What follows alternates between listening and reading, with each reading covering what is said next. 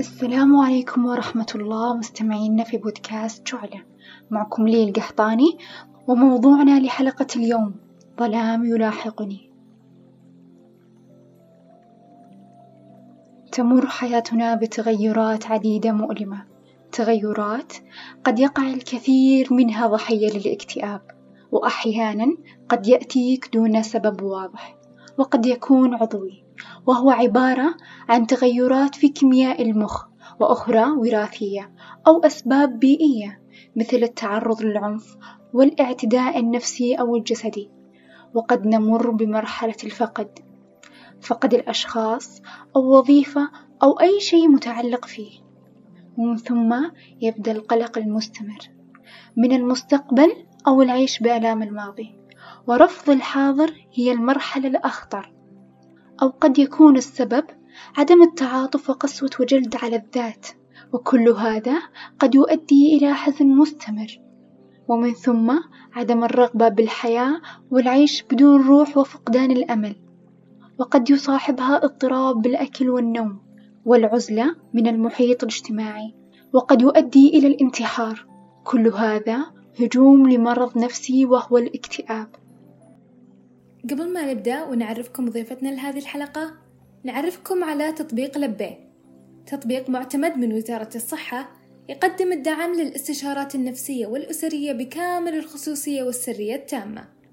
تم دعمنا بكود خصم 30% للاستشارات الأولى. ثانيا تطبيق مايند. تطبيق حاصل على شهادة اعتماد المنشآت الاجتماعية. ولسلامة صحتك النفسية وفروا جلسة مجانية للمستخدمين الجدد. وإن كانوا بحاجة للاستمرارية راح تكون الجلسات مدعومة من عدة جهات بأسعار رمزية جدا. وأخيرا تطبيق ثوم كير مبادرة سعودية تقدم الاستشارات والدعم النفسي والأسري والاجتماعي بسرية تامة. وخدمتهم متاحة لأربعة وعشرين ساعة. وفروا لنا كود خصم خاص. نشكر تعاونهم ودعمهم وسعيهم لخدمة وتثقيف المجتمع. المزيد من التفاصيل موجودة في صندوق الوصف. ضيفتنا لهذه الحلقة إنسانة قوية ولها تجربة في الاكتئاب. حبت تشاركنا تجربتها المستمرة في العلاج وقد تكون سبب بعد الله لإضاءة حياة غيرها. أهلا فيك فيروز. وعليكم السلام وأهلا وسهلا فيكم جميع وأهلا فيك. للأمانة حابة أتكلم عن تجربتي بشكل خاص وأتكلم عن الاكتئاب بشكل عام. أنا فيروز متخرجة من تخصص إدارة مكتبية. أكتب وأقرأ أكتب من عمري 14 سنة. آه، اتخذت الكتابة ملجأ لي من كل شيء في هذه الحياة. آه، أهرب كثير للكتابة والقراءة. أحب التصميم وأحب كثير أتكلم عن المعاناة وعن الألم بشكل عام. أحس إن الإنسان يقدر يوصف ألمه بالكتابة وبإنه يتكلم ويفرغ كل شيء في داخله. أهدي هذه الحلقة لكل من يعاني بصمت وخوف ومو قادر يتكلم أو يعبر عن هذا الشيء أو خايف من المجتمع أو خايف. وش راح يقولون الناس عني؟ بحكي لكم مقدمة بسيطة عن الاكتئاب. الاكتئاب النفسي هو دون مبالغة من أهم وأخطر المشكلات للإنسان في عصرنا الحالي ويعتبر مرض العصر. يشهد العصر الحديث ازدياد في معاناة الإنسان مع الاكتئاب والإكتئاب هو تساؤل تساؤل دائما عن ما الذي وقع فيه الإنسان أو ما هذا الشيء الذي أمر فيه. آه، فكثير يبحثون دائما إنه إيش مصدر هذا الألم؟ ويبحثون يبحثون في بحث مستمر ويظنون إنه ما في سبب. يظنون انه السبب مجهول. آخر شيء يتوصلون له أو آخر شيء يبحثون عنه أنه هو مرض نفسي. كثير منا يخاف يعترف إنه أنا فيني مرض نفسي.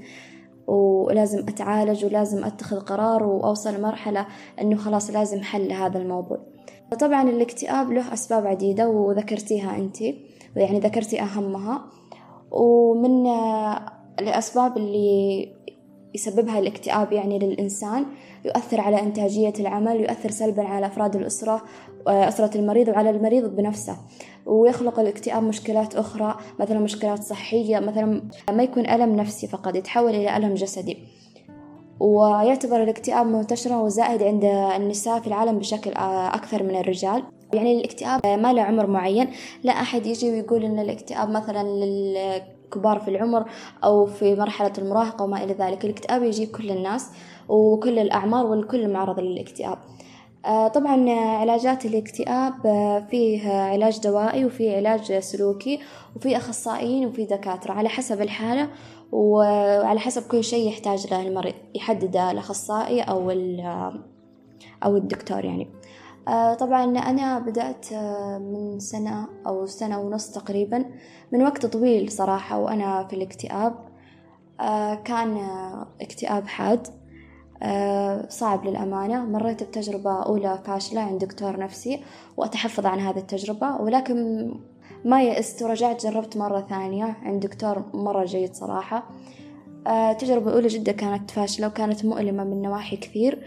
آه، لكن التجربة الثانية جدا جيدة صراحة. حبيت في التجربة الثانية أن الدكتور كان متفهم المرض متفهم إيش قاعد أعاني منه حاسس بكل شيء. ما كذبني أو قال إنه ممكن هي قاعدة تتوهم أو أو. وكمان حابة أقول إن الاكتئاب يحتاج دعم نفسي يحتاج احتواء يحتاج إن الإنسان يفهم نفسه ويتفهمها ويهون على نفسه. صعب إن الاكتئاب ينحل بسهولة أو في يوم وليلة أو حتى أشهر. يتطلب وقت طويل علشان يتم العلاج بشكل صحيح. آه، طبعا كثير منا يخاف إنه يحكي لوالديه أو أقاربه أو للمجتمع بشكل عام إنه يعاني من شيء ما. آه، أنا للأمانة آه، ما كان همني المجتمع وما كان همني الناس كان همي الوحيد إني أعرف إيش أنا قاعد أعاني منه. كان شيء غريب جدا علي وكان مؤلم. تحولت من ما أقول إني اجتماعية ولكن كنت شبه اجتماعية. تحولت إلى انطوائية بشكل مزعج ومنعزلة. آه، انعزلت عن العالم الخارجي وعن العالم الداخلي وعن العائلة عن كل أحد حتى الأصدقاء. آه، قطعت علاقتي بناس كثيرة. آه، كنت أعاني من ضغط جدا هائل وللأسف أنا الاكتئاب عندي ما كان في سبب معين أو, أو ما كان في مسببات يعني. عشان مثلا أقول إنه هذا السبب أو هذا السبب. آه طبعا كل تجاربي كانت أدوية آه لأنه كان ضروري في حالتي إن في أدوية. طبعا كان في حالات آه، محاولات أو حالات انتحار. ولكن الحمد لله يعني على كل حال إنه في يوم من الأيام آه، فيروز الداخلية قالت إنه خلاص لازم ينحل الموضوع ولازم ينحط له إنه ما يستمر هذا الوضع لأنه هذه مو أنا ولا هذه شخصيتي ولا هذه حياتي بشكل عام ولا هذا طموحي إني أجلس أشوف الحياة تمشي والناس يمشون وأنا واقفة في نفس المكان.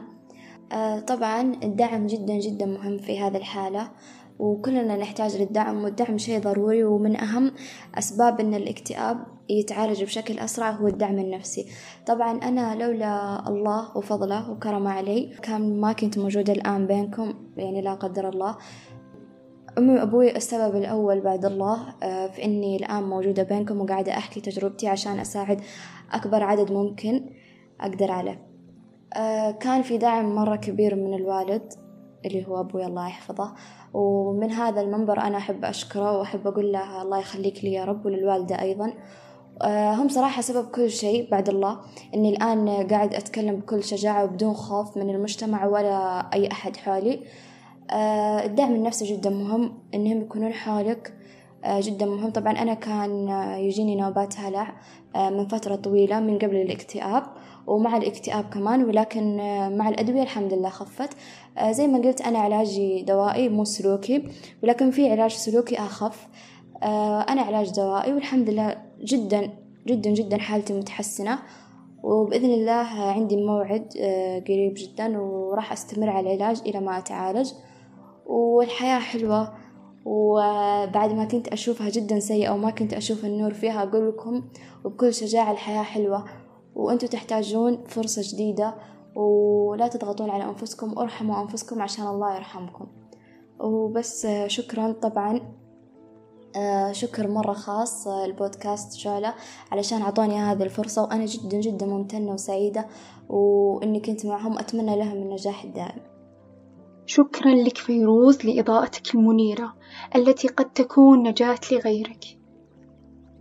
هنالك أساليب كثيرة للنجاة وتختلف بحسب شدة كل حالة منها تغيير أسلوب حياة أو الخضوع لجلسات علاجية وقد تصل لتناول أدوية يصفها الطبيب وعلى الرغم من كون علاجات الاكتئاب فعالة ومعروفة إلا أن عشرة بالمئة فقط من المصابين هم فقط اللي يتلقون العلاج لأسباب عديدة من أهمها نظرة المجتمع للعيادات النفسية مع أنها لا تختلف مراجعة المريض للطبيب النفسي عن أي طبيب آخر أو ربط المرض النفسي بالدين أو العين والحسد. إذا صادفتم شخصًا مكتئب أو يمر بأعراض أرجوكم لا تتجاهلوا مشاعره. وحاولوا مساعدته ولو عن طريق تطبيقات تساعد المريض وهو في بيته مثل تطبيق لبيه أو تطبيق فمكير أو تطبيق مايند أو حتى رقم وزارة الصحة تسعة ثلاثة سبعة لتزويدكم بمعلومات أكثر. وأخيرا الأمراض النفسية موجودة بأي مجتمع. تذكر أنت فرد من هذا المجتمع فكن نقطة البداية لوعي كل فرد في هذا المجتمع. دمتم بخير.